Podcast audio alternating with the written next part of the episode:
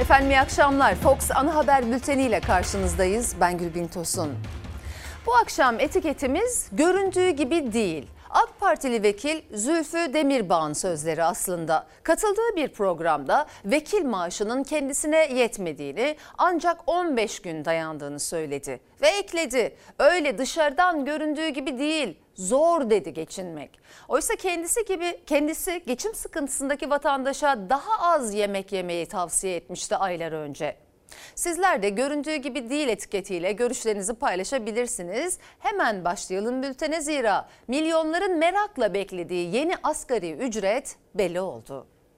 Cumhurbaşkanı Erdoğan bizzat açıkladı yeni asgari ücreti. Çalışanlar en az açlık sınırı kadar bir ücret ümit ediyordu. Öyle olmadı. Asgari ücret net 5500 liraya yükseltildi. Yeni asgari ücret net 5500 lira olacaktır. Cumhurbaşkanı Erdoğan yeni asgari ücreti açıkladı. Net 5500 liraya çıkarıldı asgari ücret. Zam 1 Temmuz'dan yani bugünden itibaren geçerli. Asgari ücrete Temmuz ayından geçerli olmak üzere %25 oranında bir ara artış yapıyoruz. Önce %25 dedi Erdoğan ama sonra Çalışma Bakanı uyardı. %30 diyerek zammın oranını yeniden açıkladı Cumhurbaşkanı. %25'i tartıştığımız için yani bu %30 olarak bu artışı yapmış olduk. Zammın net oranı %29,3. Asgari ücretli yükselen enflasyon nedeniyle aylardır ara zam bekliyordu. Umudu en azından açlık sınırı kadar bir asgari ücrete ulaşmaktı. Ama zam 6391 liralık açlık sınırının çok altında kaldı. Bu bir ara artıştır. Asıl asgari ücret tespitini inşallah yıl başında yeniden gerçekleştireceğiz. tüm çalışanların ücretlerinin asgari ücret kadar olan kısımlarından vergi alınmaması uygulaması aynen devam ediyor. Bunun anlamı şu, bütün kamu çalışanları da e, aşağı yukarı ortalaması 300-350 lira civarında buradan bir e, gelir elde edeceklerdir. Maaşların asgari ücret kadarından vergi alınmamaya devam edecek. Cumhurbaşkanı Erdoğan, işçi ve işveren sendikalarının temsilcileriyle birlikte geçti kameraların karşısına. Türkiye çalışanlarının emeğiyle büyüyor sloganıyla. 5500 liralık yeni asgari ücret açıklandıktan sonra kameralar bu kez Erdoğan'la Türk İş Başkanı Ergün Atalay arasındaki diyalogları kaydetti. Mutabık mıyız? Hayırlı olsun. Yatağımızı sıçramasın. Yatağımızı sıkmasın. Evet. Buradan da bir çay içmenin yanında. Çay içme imkanımız. Asgari ücret masasındaki sendikadan çay teklifi geldi Erdoğan'a. O masada bulunmayan disk ise belirlenen asgari ücreti düşük buldu. Belirlenen bu rakam olması gerekenin ve beklentilerin çok çok altında. 5500 lira rakamı 4 kişilik bir ailenin sadece gıda harcaması olan açlık sınırının bile altındadır. Milyonlarca işçinin bu asgari ücretle yılın sonuna kadar hayatını sürdürebilmesi mümkün değildir. Özellikle artan gıda enflasyonu nedeniyle maaşı eridi asgari ücretlinin. TÜİK'e göre enflasyon %73,5, gıda enflasyonu ise %91. Pazartesi günü Haziran enflasyonunun açıklanmasıyla memurun emeklinin maaş artışı da belli olacak. Öncesinde kritik veri İstanbul Ticaret Odası'ndan geldi. Bugün bu domatesin kilosu olmuş 12 lira 13 lira. Yazın 2 lira 2,5 liraya yiyorduk. E, enflasyon kendini gösteriyor. Sadece tüketicilere göre değil, açıklanan verilere göre de enflasyon inanılmaz bir artış gösteriyor. İstanbul Ticaret Odası'na göre İstanbul'un enflasyonu %94,19'la 24 yılın zirvesinde. Markette haftadan haftaya hatta gün gün fiyatlar değişiyor. Tüketiciler 4 lirayı bile fazla bulurken simide İstanbul'da zam haberi geldi. 100 gramlık simit %25 artışla 5 lira olacak artık. Dört de fazlaydı. Çok fazla. Bu ülkede simitle e, karnı doyuran çok insan var. Kira zorluyor, gıda zorluyor. Hepsi, hepsi Kiradan gıdaya asgari ücretli zorlanmaya devam edecek. Çünkü ailedeki iki asgari ücret bile zamlı haliyle yoksulluk sınırının neredeyse yarısı kadar. Pazara giden insanlar 2 kilo 3 kilo alacağını 3-4 tane alıyor. Yeni asgari ücretin tüm çalışanlarımıza hayırlı olmasını diliyorum. Evet enflasyonun hele gıda enflasyonunun çok altında kaldı zam oranı. Ücrette açlık sınırının altında. Toplantıda yaşananlar da ilginçti. Atalay ve Erdoğan arasında geçen diyaloğun magazin kısmından bahsediyorum. Bir kısmı duyuldu ama hemen Erdoğan mikrofonu kapattı. Sanırım Atalay'ın sütten ağzının yandığı 2019 yılını hatırladı. Atalay %15 zam talebiyle oturduğu masadan %8 ile kalkmıştı o zaman. Masadayken duyulan uzasa işi karıştıracağız en azından kapattım böyle demişti Atalay. İşi uzatmak göreviyken asıl göreviyken. Devam ediyoruz. Kamu Emekçileri Sendikası üyeleri maaşlarına yansıyacak zam farkını belirleyecek olan Haziran ayı enflasyonu açıklanmadan önce rakamları belirleyen TÜİK'in kapısına gidip açıklama yapmak istedi. Ama polis sendika üyelerini TÜİK önüne yaklaştırmadı, ardından da müdahale etti.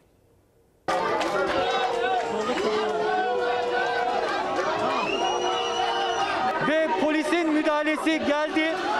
Sendika üyeleri ise TÜİK'e gitmekte kararlı.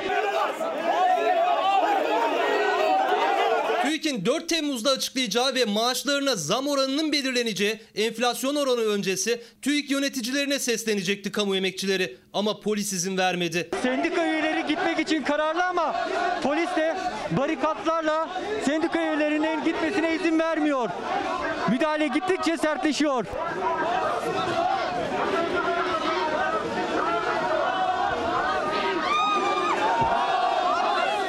Memurlara, emeklilere verilecek enflasyon farkı TÜİK rakamlarına göre belirleniyor. Kamu Emekçileri Sendikası ise Haziran enflasyonunu açıklamadan önce TÜİK'in kapısında açıklama yapmak istedi. Enflasyon rakamları gerçeğe yansıtmıyor diye. Yanlış enflasyon rakamlarına karşı alamadığımız maaş zamlarını itiraz ederek toplu olarak ses getirmeye geldik. Enflasyon farklarımız TÜİK'in yaptığı açıklamalara göre ödemeleri yapılacak. Yani halk %150, %200 enflasyon yaşarken siz %70'lerde enflasyonu açıklarsanız maaşlara yansıması da çok çok düşük kalır. Markete giriyorsunuz 300 liraya aldığınız şeyler şimdi 700-800 liraya alınabiliyor ancak. E bu durumda enflasyon yani %160-170 seviyesinde. TÜİK bürokratlarını uyarmak için TÜİK'in önünde olacağız. Kamu çalışanları kendi yaşadığımız enflasyon TÜİK'in açıkladığı rakamın kat be kat üstünde derken daha önce TÜİK'te görev alan İsmet Temel de hesap yöntemiyle rakamın düşük tutulduğunu söyledi. 10 yıl kadar enflasyon rakamlarını hesaplayan şubenin müdürüydüm. Sonra görevden alındım. Geçmişte sebze meyvelerin farklı ağırlıkları vardı. Bu ağırlıkları kaldırıp tek ağırlığa indirdi. Ağırlıkları yöntemini değiştirerek TÜİK aslında var olandan daha düşük enflasyon rakamlarını kamuoyuna açıklıyor. Benim kendi enflasyonum %300. Yani petrole ne kadar zam geldiyse bilin ki benim enflasyonum o. Memurun, emeklinin enflasyon karşısında nasıl ezildiğini, gerçek enflasyonun TÜİK'in açıkladığı rakamdan çok daha yüksek olduğunu bir de TÜİK önünde söylemek istediler. TÜİK önüne gidecekti ama polis şu anda sendika üyelerinin önünü kesti ve TÜİK'in önüne gitmesini engelliyor.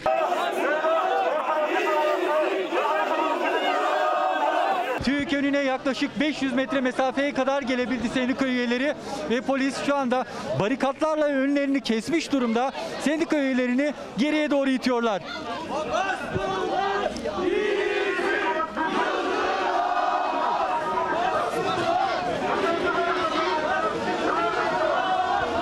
Yaşanan arbede sonrası polis kalkanlarla engel olup TÜİK önüne gidilmesine müsaade etmedi. Sendika üyeleri TÜİK binasına yaklaşamadan uzaktan seslerini duyurmaya çalıştı. Kamu emekçilerinin ekmeğini küçülten, tenceresini boşaltan bu uygulamalardan vazgeçin. Baskılar bizi yıldıramaz. Polisin müdahalesine tepki olarak basın açıklaması yapmadı sendika üyeleri. Sırtlarını dönüp 5 dakikalık oturma eylemi yaptılar.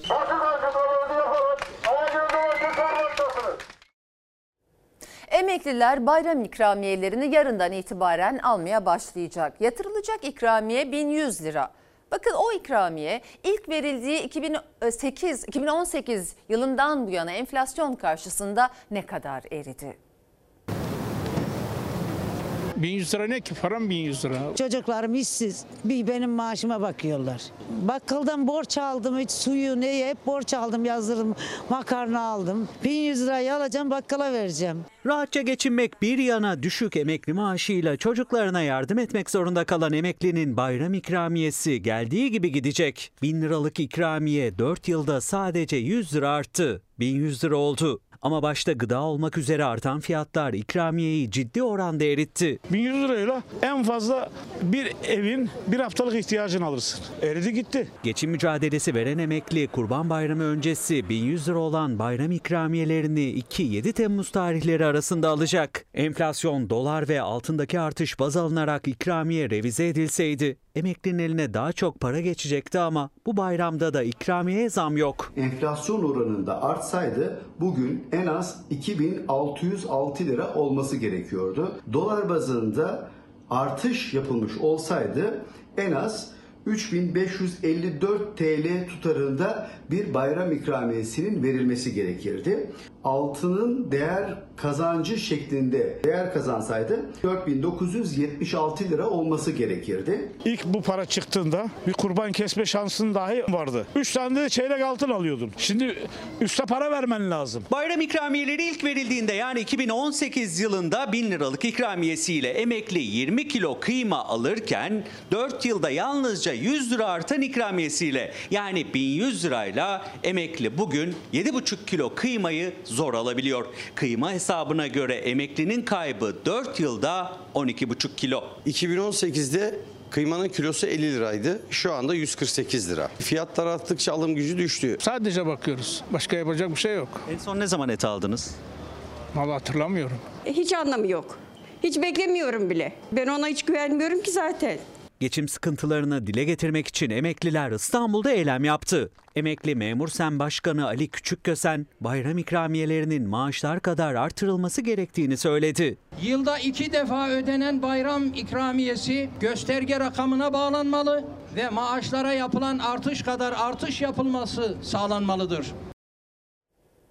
Daha önce fiyat artışları karşısında geçinemiyoruz diyen vatandaşa eti kiloyla değil gramla, sebze meyveyi taneyle alın diyerek tavsiye veren AK Parti Elazığ Milletvekili Zülfü Demirbağ bu kez milletvekili maaşının yetmediğini söyledi. Danışmanlarından borç alarak ay sonunu getiren vekilin sözleri yine gündem oldu. Bunu aşılasyon olsun diye söylemiyorum. Utanıyorum ki bir danışmanıma ya herhalde 2-3 bin lira getir. Danışmanlara bile borçlanmışım maaş bekliyorum. Milletvekili maaşıyla milletvekili yapamaz. Milletvekili maaşım yetmiyor, danışmanımdan borç alıyorum diyen AK Parti Elazığ Milletvekili Zülfü Demirbağ ayın sonunu getirememekten dert yandı. Maaş bekliyorum 15 gün sonra alacağımız veya bayram öncesi verilecek maaş. Bir dakika arkadaş. Bu ülkede 6391 lira açlık sınırı var. Bu ülkede çalışanların %45'i asgari ücretli, %60'ı 65'i açlık sınırının altında. İçi giden, vicdanı olan bir insan o milletvekili maaşıyla milletvekili yapamaz. Peki reisine, reis de geçinemiyoruz de. Bu halkın kaynaklarını beşli çeteye peşkeş çekmedi. Sayın Demirbağ utanıyorum diyorsunuz ama siz utanmıyorsunuz be. Ya en düşük emekli maaşı 2500 lira bugün. AK Parti Elazığ Milletvekili Zülfü Demirbağ bundan yaklaşık 7 ay önce gıda fiyatlarındaki artış, zamlar karşısında eriyen maaşlar, alım gücünün düşmesine karşı eti kilo yerine gramla alın. Hatta turfanda sebze, meyve sağlığa faydalı değil diyerek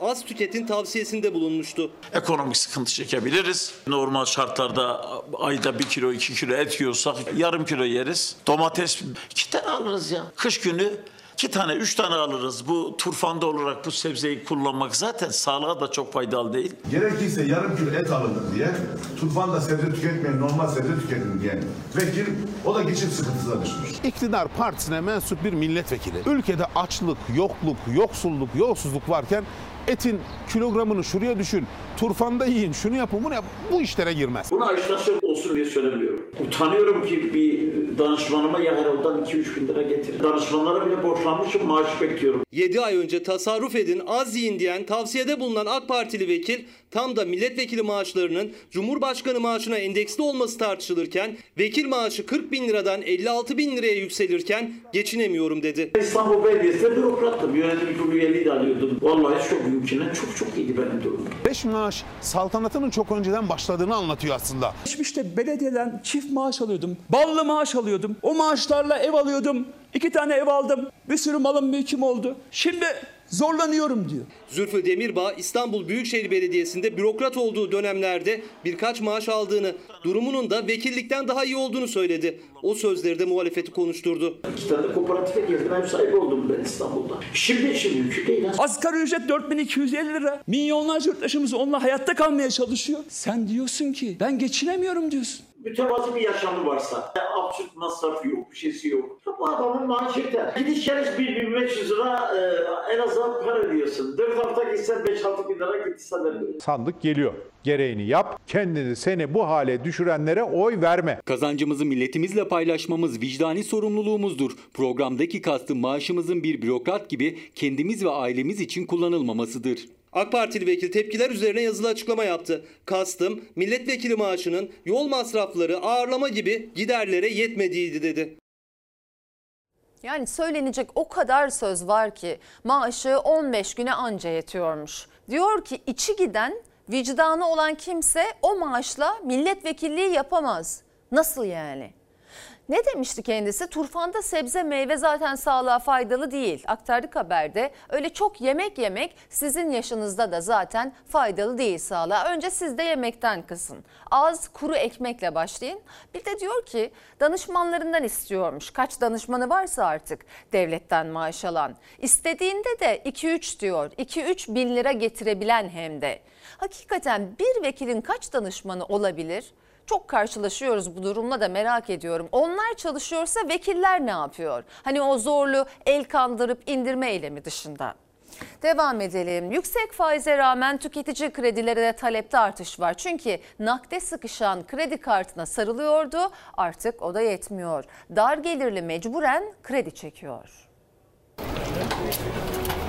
Dört tane çocuğum var. Şu an süt alamıyoruz doğrusunu istersen. Bir markete giriyoruz olduğu parayı boşaltıyor. Yani karta bu sefer giriyoruz. Kartı, karton da ödemeyi zorlanıyoruz. 46 yaşındaki 4 çocuk babası işçi Abdülvahap Deniz çocukları için sütü eve götürdüğü ekmeği bile kredi kartıyla alıyor. Asgari ücretin biraz üzerindeki maaşı ay sonunu getirmeye yetmiyor. Cebinde kalan son 15 lirasıyla 15 gün idare edecek. Geriye kalan tüm harcamalarsa kredi kartıyla. Onun gibi çoğu çalışan da kredi kartı olmadan ayın sonunu getiremiyor. Onu da ödeyemeyen kredi çekmek zorunda kalıyor. Çocuklar markete götürdüğü zaman meyve suyu, süt gibi ufak şeylerden ufaklarından alıyoruz biz. Mesela ekmek bile aldığımız oluyor bazen. Kredi kartı. Evet kredi kartıyla. Son 15 lira TL'miz var kalmıştır şu anda. Onu da bitirdiği zaman kredi kartına yükleneceğiz. Eskiden kredi kartını çoğunlukla taksitli alışverişlerde kullanırdı tüketici ancak şimdilerde kredi kartı olmadan markete gelemiyor.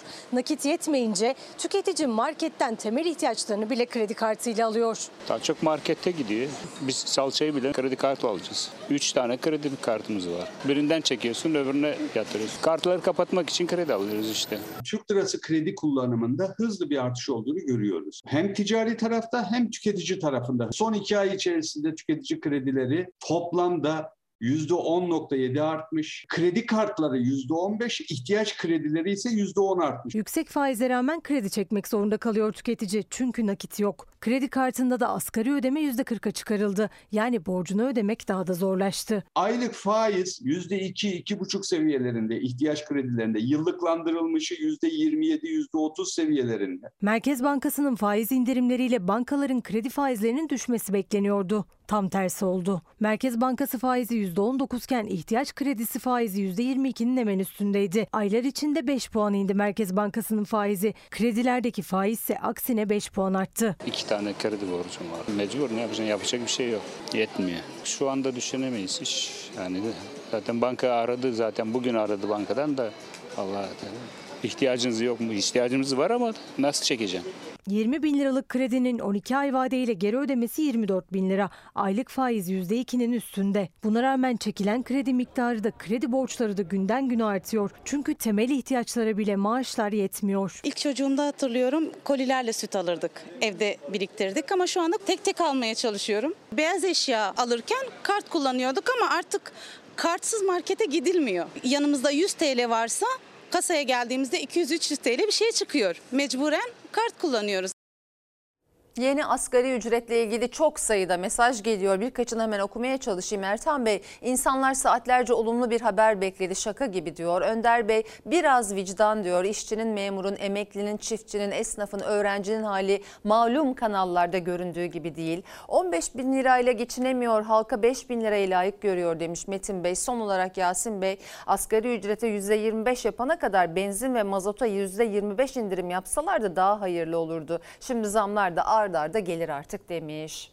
Efendim Cumhurbaşkanı Erdoğan NATO zirvesinde imzalanan üçlü muhtıradan memnun. Ancak muhalefet aynı fikirde değil. Tepkisi sürüyor. Cumhurbaşkanı PYD, YPG ve FETÖ'yü de mutabakata yazdırdık dedi. Muhalefet ise yazıldı ama terör örgütü denmeli diyerek itiraz etti. Mutabakat içinde iyi niyet metni tanımlamasını yaptı teröre ve teröristlere yönelik şartlarımızı koyduk ve bu şartlar kabul edildi. NATO sözleşmesinin PKK'nın dışında YPG, PYD, YPG ve FETÖ terör örgütü olarak bunun yerleşmiş olması bizim bu süreçten bir başarıyla çıktığımızın en güzel ifadesidir. Diğer NATO üyeleri YPG'ye yardım etmiyor Amerika'da. Bir tek İsveç Finlandiya. Şimdi Amerika FETÖ'yü terör örgütü ilan etti de İsveç ve Finlandiya mı kaldı? Bu muhtıra ne YPG, PYD'ye ne de FETÖ'ye bir terör örgütü diyemiyor. Erdoğan muhataplarına bunu bile kabul ettirememiş.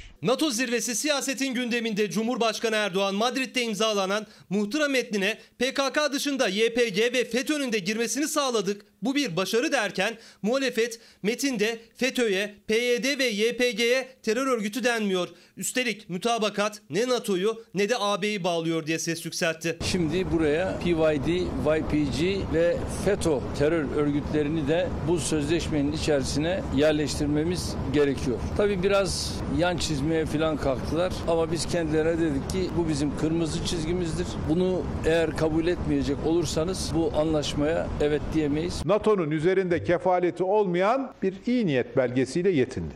Türkiye'de hayır dediğine Madrid'de evet diyiverdi. Bu diplomasi değil, bu hamaset, bu Türk'ün Türkiye propagandası. İsveç ve Finlandiya'nın NATO'ya adaylığında terör örgütlerine verdiği destek Türkiye'nin veto nedeniydi. Dörtlü zirve yapıldı. O zirveden sonra 3 ülke mütabakat sağladı. Tartışma da atılan imzalardan sonra alevlendi. Çünkü muhalefete göre muhtıra sadece iyi niyet belgesi. Somut adım yok. Cumhurbaşkanı Erdoğan Türkiye'ye döndü. Terör ve teröristlerle ilgili hassasiyetlerimiz yerine getirilmeli dedi. İki ülke üye olmamıştır ve bunlarınki bir üyelik davetidir. Şartları yerine getirirlerse biz de üzerimize düşen görevi yaparız. Şayet bu konuda bir oyalama veya riyakarlık emaresi görürsek en baştaki tavrımıza geri döneceğimizden kimse şüphe etmesin. Terör faaliyeti olduğu yönünde delil olmadıkça hiçbir iadeye razı olmayacağız, demokratik hakları değiştirmeyeceğiz dedi. Finlandiya Cumhurbaşkanı'nın da Türkiye'ye suçlu iadesi politikamız değişmedi, bizim terörist olduğuna karar vermediğimiz hiç kimse iade edilmeyecek dediği söyleniyor. Bu muhtıra Türkiye ve milletimiz açısından diplomatik bir zaferdir. Cumhurbaşkanı Erdoğan Madrid'de diplomatik zafer demişti. Yeni günde verilen sözleri takip edeceğiz dedi. Teröristlerin iadesi bunların başında geliyor. İsveç'in verilmiş olan sözü şudur. 73 teröristin Türkiye'ye iadesi. Kişiyi siyasi suçlu içine oturttuğunuz anlam o kavramın içine iade etme sorumluluğunuz yok. Bu ülkeler bizim gibi değil yani Sayın Erdoğan kendisi gibi zannediyor. Adaletli talimat verecek, salı verecekler. Bana verilen söze bakıyorum. E, Boris Johnson omuzuna elini koymuş da bu büyük liderlik işaretiymiş. Ya geçti bunlar. Cumhurbaşkanı NATO zirvesinden çıkan sonuçtan memnun ama muhalefet ya verilen sözler tutulmazsa diyor. İktidarın dış politikasını eleştiriyor. CHP Cumhurbaşkanı Erdoğan'ın Türkiye'nin tanımadığı Güney Kıbrıs Rum yönetimi lideri Nikos Anastasiadis'le bir araya gelmesine de dikkat çekti. Ama Madrid'de Türkiye'nin tanımadığı Güney Kıbrıs Rum lideri Anastasiadis'i görünce yelkenler suya iniyor. Diplomatik başarı mı değil mi tartışılıyor. Veto haklı mı saklı evet. Türkiye Büyük Millet Meclisi'nin onayı olmadan bu iki ülkenin İsveç ve Finlandiya'nın üyeliklerinin geçerli olmayacağı kesin. Ancak üyelik süreçlerinin bir, bir buçuk yıl sürmesi bekleniyor ve bizde de seçim zamanına denk geliyor.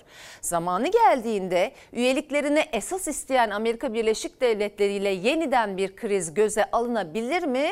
İşte o zor. Bu bir başarıysa aslında daha çok milliyetçi hisleri coşturan, içeride bizzat Cumhurbaşkanı'nın kendi adına yazdırdığı bir zafer olarak yorumlanabilir diye düşünüyorum. Sayın seyirciler, siyasetin sıcak başlıklarından biri de Cumhurbaşkanlığı seçimleri. Altılı Masa bir kez daha Meral Akşener'in ev sahipliğinde toplanacak. Liderler zirvesinden iki gün önce gelecek Gelecek Partisi Genel Başkanı Davutoğlu, muhalefetin olası adayı ile ilgili ipuçları verdi. Satır aralarındaki sözleri dikkat çekiciydi. Bence doğrusu altısından birisi de öyle. Siyaset içinden olması lazım Cumhurbaşkanı'nın. Gelecek Partisi Genel Başkanı Ahmet Davutoğlu, Millet İttifakı'nın adayı kim olacak sorusuna siyasetin içinden biri olmalı derken aday olacak kişinin de altılı masada oturan liderlerden birinin olması gerektiğini söyledi. Sayın Davutoğlu'nun düşüncelerine saygı duyuyoruz. Millet masasında altı partinin lideri bu konuları karara bağlarlar. Oturup konuşacağız. Ben başbakanlığa adayım. İyi Parti lideri Akşener başbakanlığa aday olduğunu açıklamıştı. Altılı masada Kılıçdaroğlu'nun adaylığı çok konuşuldu. Demokrat Parti lideri Gültekin Uysal da Kılıçdaroğlu'nun adaylığına yeşil ışık yakan ilk isim olmuştu. Ben Kılıçdaroğlu'nun adaylığına sıcak bakarım. Bu masanın oluşumunda önemli katkılar sağlayan CHP Genel Başkanı Kemal Kılıçdaroğlu doğal olarak da isterse hakkıdır. Hiç kimse şundan endişe duymasın. 13. Cumhurbaşkanı Millet İttifakı'nın Cumhurbaşkanı olacak. CHP lideri renk vermiyor ama son dönemdeki çıkışlarıyla aday Kılıçdaroğlu yorumları da eksik olmuyor. Davutoğlu'nun da konuk olduğu KRT'de isim vermeden Cumhurbaşkanı adayı masadaki 6 liderden biri olmalı çıkışı dikkat çekti. Davutoğlu kendisi aday olur mu sorusuna da yanıt verdi. Bence doğrusu altısından birisi de öyle. Israrım olsa bir makamla ilgili başbakanlık gibi makamı ilkelerim gereği elimin tersiyle itip yürümezdim. İşte söylüyorum Cumhur İttifakı'nın adayı Tayyip Erdoğan. Sandığa gideceğiz demokratik yollarla bir dikta yönetimini tarihe gömeceğiz. Sıkıysa aday oluyor musun olmuyor musun? Önce bunu açıkla. Cumhurbaşkanı Erdoğan da CHP liderine sık sık adaylığını açıkla baskısı yapıyor ama altılı masa önce seçim tarihi açıklansın diyor. Altı lider 3 Temmuz'da Akşener'in ev sahipliğinde tekrar toplanacak. Güçlendirilmiş parlamenter sisteme geçişi ve süreci konuşuyor liderler. Kapalı kapılar ardında aday kim olacak konuşmuyoruz diyorlar ama verilen sinyallerle çember daralıyor. Kim seçilirse seçilsin bu altı liderin ortak iradesine ve süreç içinde birlikte yönetmeye hazır olması lazım. Masada adaylık için en çok da Kılıçdaroğlu'nun adı dillendirilirken Davutoğlu'nun Cumhurbaşkanı adayı altılı masadan olmalı çıkışıyla gözler bir kez daha altılı masa toplantısına çevrildi. Altılı Masa'nın liderleri adayı konuşmuyoruz deseler de dışarıda tek başlarına sürekli dillendiriyorlar. ipuçları tarifler veriyorlar. Davutoğlu'nun da aday olur musunuz sorusuna verdiği yanıt önemli haberde aktardık. Benim ısrarım olsa bir makamla ilgili başbakanlığı elimin tersiyle itmezdim. Ben ilkelere bakarım sözü önemli. Gültekin Uysal gibi Davutoğlu'nun da adayı Kılıçdaroğlu gibi. Haberle devam edelim. Aile hekimleri iş bırakma eylemlerinin ikinci gününde de sözleşme ve ödeme yönetmeliğinin geri çekilmesi için ses yükseltti. İstanbul'da lokma dağıtarak aile hekimliği ölüyor, başımız sağ olsun dediler. Baş, başınız sağ olsun arkadaşlar. Mesela e, bizim benim şu anda sizinle e, röportaj yapmam yasak. Çünkü basına demeç vermek bizim için ceza puanı sebebi. Bizim sözleşmemizin fesi artık böyle bildiğiniz pamuk ipliğine bağlanmış durumda. Bizim iş güvencemiz şu an kesinlikle yok. Düşük nüfuslularda asgari ücrete yakın maaş alan aile hekimlerimiz var İstanbul'da. Ama kiralar yüzde yüze yakın artmalar yaşandı. Aile hekimleri iş bırakma eyleminin ikinci ve son gününde lokma dağıttı. Aile hekimliği ceza yönetmeliğiyle ölüyor. Başımız sağ olsun yazdılar elektronik panoya. Bir kez daha sözleşme ve ödeme yönetmeliğinin geri çekilmesini ve ödeneklerinin artırılmasını istediler. Basına konuşmak şu an sizde yaptığım eylem bizim ceza puan listemiz var. Oradaki en yüksek seviyeye konmuş. Evrakta sahtecilik yapmakla eşdeğer tutuluyor. Şu an size yaptığım konuşma adeta yönetmeliği üstüne ceza eklemek için yapmışlar. Aile hekimleri iş bırakma eylemlerinin ilk gününde Ankara'da bakanlık önünde Sağlık Bakanı'na seslenmişti. İkinci günse İstanbul'dan ses verdiler. Kronik hastalık takibi yapacaksınız diye bir dayatma yapıldı. Ama mevcut nüfuslarla, mevcut polikliniklerle bunu yapma imkanımız yok. Dediler ki bunu istediğimiz oranda yapmazsanız %10 maaşınızdan kesinti yaparız. Biz zaten ekonomik darboğazdayız üstüne %10 maaş kesintisiyle karşı karşıya kaldık. Dediler ki siz herhangi bir sebeple nöbete gitmezseniz sözleşmenizi feshederiz. Mazeretli veya mazeretsiz annesi ölse o akşam ve nöbete gidemese yine ceza puanı alıyor. Aile hekimleri ceza yönetmeliği diyor. Yönetmeliğin birinci yılında tepkilerini göstermek için lokma dağıtıyorlar. Seneyi devriyesi diyerek e, ölüm yıl dönümü olarak bizim için değerlendiriyoruz. Bir de giderlerdeki artışla karşı karşıya aile hekimleri. Ödeneğe yapılan zam %30. Giderlere gelen zam hepimiz yaşıyoruz. Ma- Marketlerde %200'ler, 300'lerin üzerine çıktı. Yüksek kiralar talep etmeye başladılar. Ama bizim ödeneklerimize e, bu kadar artış yapılmadığı için tabii ki bunların açık kalmasını sağlamamız gittikçe e, zorlaşmaya başladı. Sağlıkta birinci basamak aile sağlığı merkezleri. Hastanelerin yükünü hafifleten aile hekimleri hem gelirlerini hem de işlerini tehdit eden yönetmeliğin iptal edilmesini istiyor. Pandemide zaten hasta yoğunluğu arttı. İkinci, üçüncü basamakta şu anda biliyorsunuz ki randevu bulmak çok zor. E, poliklinik bütün yükünü biz sırtlanmamıza rağmen maalesef pandemide bir ödülle karşılaşacağımıza alkışlandık ve bu ceza yönetmeliği karşımıza çıktı. Daha geçen ay sonunda Türk Tabipleri Birliği 2. Başkanı Doçent Doktor Ali İhsan Ökten pandemideki istifa yasağının sonlanmasının ardından yaklaşık 10 bin doktorun iş bıraktığını açıklamış araştırınca gördüm. Önceki gün şiddete uğrayan doktorun diplomasını yırttığını haber yaptık ve aktardık. En ufak bir ağrısızda gözünün içine baktığımız insanlar onlar.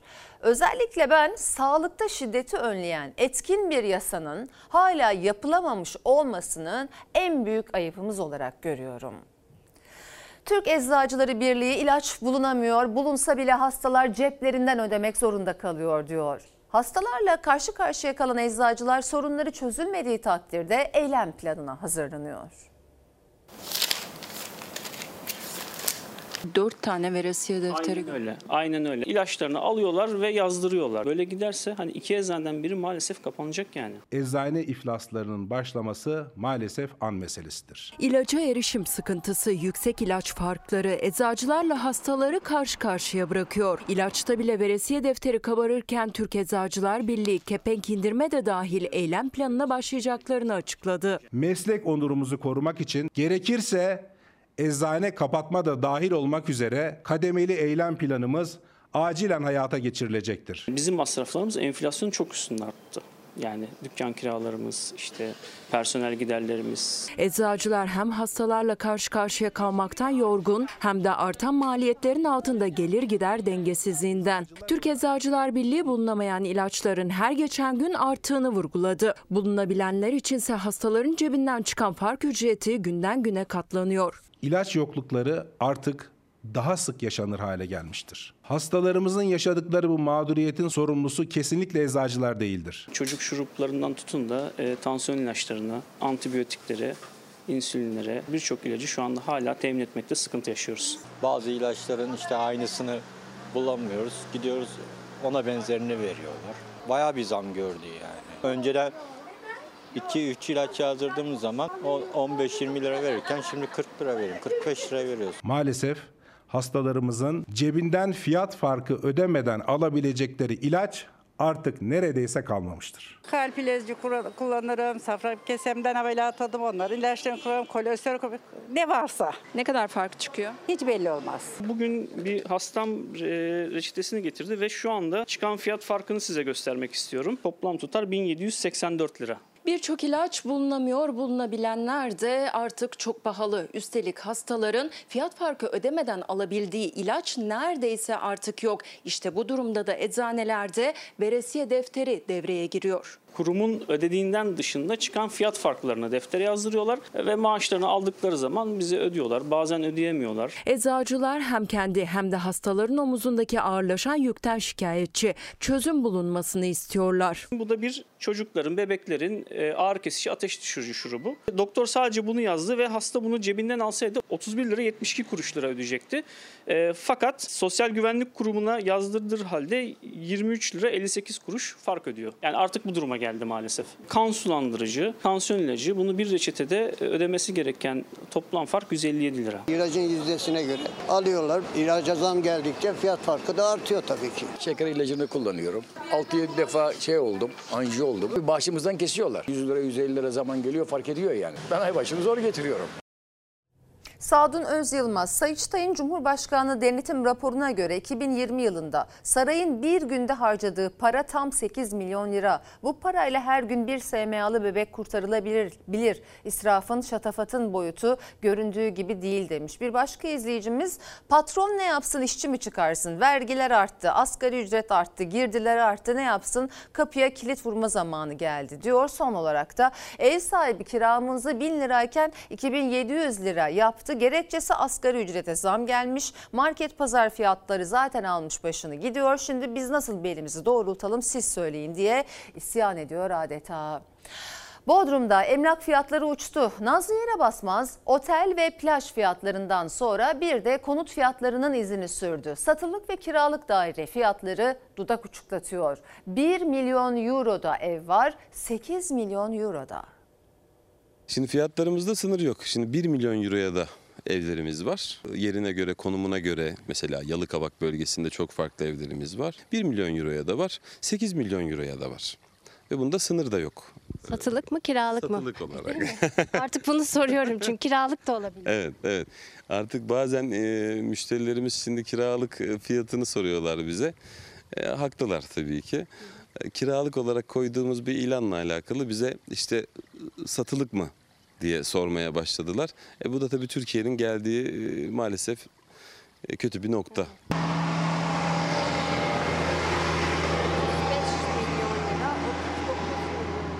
Bodrum'da emlak ofislerinin camlarındaki ilanlar, o ilanlardaki fiyatlar dudak uçuklatıyor. Denize sıfır arsalar, süper lüks villalar milyon eurolarla alıcı buluyor. Yani şu anda elimizde bir tane arsa var. Ee, 150 milyon dolar isteniyor. Öyle mi? Evet. Nasıl bir arsa bu? Denize sıfır çok güzel bir arsa. Villa olarak da yani şöyle yani 20-25 milyon dolarlar isteniyor ama o paralara satılır mı çok zor bence. Bu evimizde 3 adet e, müştemilatımız var. Salonu görmüştük girişte. Alt katımızda da yani burada havuz katımızda da kanturi tarzında havuz mutfağımız, çalışma odamız ve bir ebeveyn odamız mevcut yine aynı şekilde. En üstünde de 3 adet odamız mevcut. Hepsinin kendine ait banyosu, hepsinin deniz manzarası. Diyelim ki evin sahibi evinin havuzunda yüzdü odasına çıkacak ama çok yoruldu artık takati kalmadı merdivenden çıkmaya gücü yok. Hiç dert etmiyor çünkü asansörü var hemen asansöre biniyor. Manzarası ne manzarası tamamen nereyi görüyoruz? Vites koyuna hakimiz. Ee, karşıda gördüğümüz burnun hemen arka tarafı akvaryum koyumuz. Gezdim gördüm çok beğendim almak istiyorum. Fiyatı ne kadar? 2,5 milyon euro ile 3 milyon euro arasında değişir. Sezonluk eğer ben bir ay Bodrum'da tatil yapmak istiyorum diyorsanız da 400 bin TL. 400 bin lira vererek bir ay bu evde kalabilir. Evet. Biz orta kesim insanlar için çok büyük paralar ama yani iş adamları için zaten günlük cirolardan günlük cirolar o para. Mesela bazen bir aylığını 2 milyon TL'ye kiralıyorlar onlar. Kiralıklar milyonlarca lirayla, satılıklarsa milyonlarca euro ile ifade ediliyor Bodrum'da. Fiyatların çıktığı noktadan dönmesi ise zor görünüyor. Ve bu fiyatların düşmesini bekleyenler asla beklemesinler. Çünkü gerçekten cennette yaşıyoruz. Hani Bodrum'a gelenlerin genelde ömrü uzar. Bunu da bir not olarak iletmek isterim. Özel okul öğretmenleri yaz aylarını çok zor geçiriyor. Çünkü çoğunun işten çıkışı yapılıyor, yeni döneme kadar gelirsiz kalıyorlar. Özel okul öğretmenlerinin birçoğu bu durumdayken bir kolejin devri nedeniyle o okulun öğretmenlerinin mağduriyeti daha da katlandı. Yaşasın öğretmen dayanışması. Öğretmenin hakkı ödenmez dediler. Bir kez daha öğretmenlerin haklarını ödemediler. Özellikle bu ekonomik kriz döneminde 3 ay bir öğretmen nasıl geçinir? Kirasını nasıl öder? Temel ihtiyaçlarını nasıl karşılar? Ne ücretlerini alabildiler ne de tazminatlarını. Kolej devredildi, özel okul öğretmenleri ortada kaldı. Haklarını alabilmek için eylem yaptılar. Öğretmenlerin tazminat haklarına, ücret haklarına, sigorta prim haklarına el koymak istemektedir. Kurum kıdem tazminatlarını eksik hesaplıyor. Bu öğretmenler tüm haklarını alsalar bile işsiz kalacaklar. Ve dönemin sonunda yazın ortasında iş aramakla uğraşacaklar. İşsiz kaldığımız yetmiyormuş gibi açıkçası bir de hak ettiğimiz maaşlarımızdan maaşlarımızı da alamayacağımızı öğrendik. Ticarethaneye dönüştürülmüş eğitim kurumlarında e, emeğimiz tabii ki görmezden geliniyor bu anlamda. E, ancak haklarımız da gasp edilmişti. İstanbul Ataşehir'deki kolej devredilince öğretmenler haklarını alamadan işsiz kaldı. Seslerini duyurmaya çalıştılar. Yeni dönem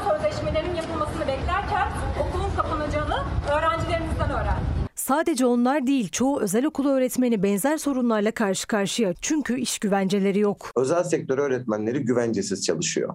Yasalar tarafından korunmuyor ve çok acı bir şey. Bu ülkede e, yüz binlerce özel sektör öğretmeni askeri ücretle çalıştırılıyor. Zaten düşük olan maaşlarını yaz boyunca alamıyor çoğu özel okul öğretmeni. Çünkü okullar kapanınca işten çıkartılıyorlar. Şanslı olanlar okullar açılırken geri işe alınıyor. Hiç işine dönemeyen de oluyor. Hem maaşlarından oluyorlar hem de kesintisiz çalışamadıkları için kıdem tazminatları birikmiyor. Öğretmenler mevsimlik işçi gibi görülüyor. Haziran ayı geldiğinde öğretmenleri öğretmenleri zorla istifa ettiriliyor. Öğretmenlere bu kıdem tazminatını ödememek için bin bir türlü yollar deneniyor. Bir kısmı köye gidiyor. Böyle örnekler çok gördük. Köyde tarlasıyla ilgileniyor, işte ailesine yardım ediyor. Bir kısmı ek işler buluyor yazın, burada çalışıyor.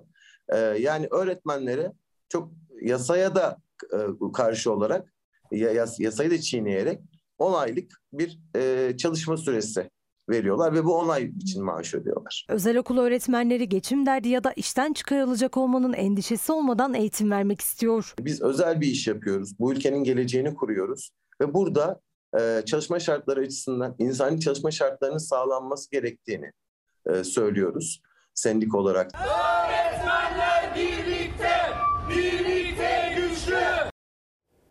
Ankara Keçiören'de dün aniden bastıran yağmur sele dönüştü. 21 yaşındaki Busenur Doğanay düğüne gitmek için annesini evde beklerken yağmur suları hızla evin içine doldu. Komşuları genç kızın yardım, yardım çığlıklarına koştu ama çabalar fayda etmedi. Artvin'de ise sahil yolunda meydana gelen heyelanda bir tır şoförü hayatını kaybetti. Yaşıyormuş, bağırmış, çığlık sesi gelmiş. Boğuluyorum diye 20 yaşında genç kız annesine telefon etmiş. Anne çaresizim, boğuluyorum demiş. Nerede müteahhit, nerede belediye başkanı, nerede altyapı? İtfaiye ne kadar saatte geldi ya. Su bastık, yaptık, kapıyı açamadık. O kızın çığlıkları kulağımda. Ne olacak şimdi? Kime gidecek kefaleler? Henüz 21 yaşındaydı Busenur Doğanay. Ankara Keçiören'de bir anda bastıran yağmur sonrası evden çıkacak zaman bulamadı. Komşularının tüm çabasına rağmen kurtarılamadı. Evin içinde boyunu aşan suların altında kalarak hayatını kaybetti. 20 yaşında bir can kayboldu. Gebercek bu hesaplıya. Benim 40 yıl bebeğim. 20 yaşında bir genç kız.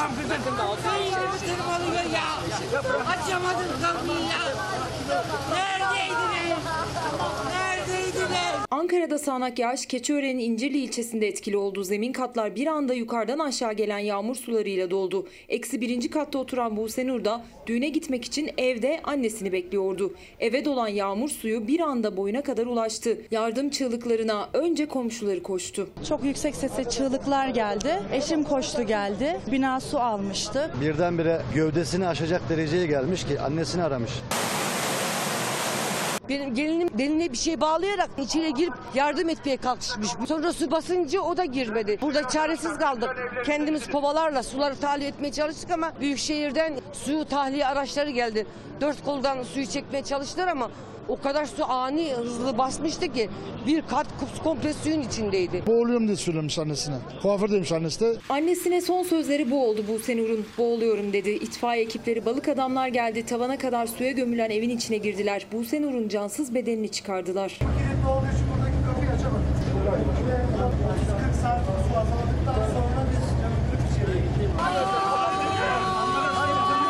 Yardım için koşan ama ellerinden bir şey gelmeyen komşuları sinir krizi geçirdi. Keçiören Belediye Başkanı Turgut Altınokunsa çevre sakinlerinin eleştirisine verdiği tepki tansiyonu yükseltti. Bırak şimdi provokasyonu. Nefeslik yapma. Ahlaksız.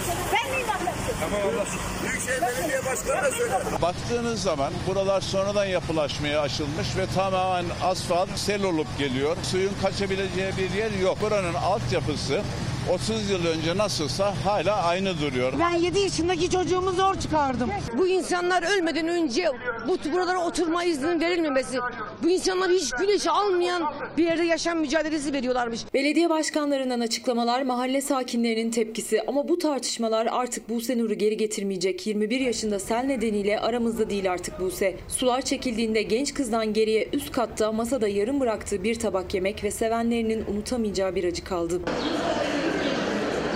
21 yaşında hayatının baharında bir genç son yolculuğuna uğurlandı. Ankara'da sel felaketi yaşanırken Artvin'in Hopa ilçesi Karadeniz sahil yolunda da heyelan meydana geldi. Dağdan kopan kayalar bir tırın üzerine düştü. Tır şoförü hayatını kaybetti. Niğde'de de sağanak yağış nedeniyle dereler taştı. Birçok ev sular altında kaldı. Ekiplerin çalışması sürüyor. Kadına şiddetin önüne bir türlü geçilemiyor. Antalya'da bir kadın sokak ortasında bıçaklandı. İstanbul'da ise bıçaklı saldırgan kadını kaçırmaya çalışırken neyse ki esnaf engel oldu. Sokak ortasında bıçakladı. Kimse yaklaşmasın diye ağır yaraladığı kadının başından ayrılmadı. Antalya'da bu dehşet anlarını yaşatan saldırgan önce kaçtı, sonra yakalandı. İstanbul'da ise eski sevgilisini kaçırmaya çalışan adama çevredekiler engel oldu. O saldırgan da bıçaklıydı. İkisi de tutuklanarak cezaevine gönderildi.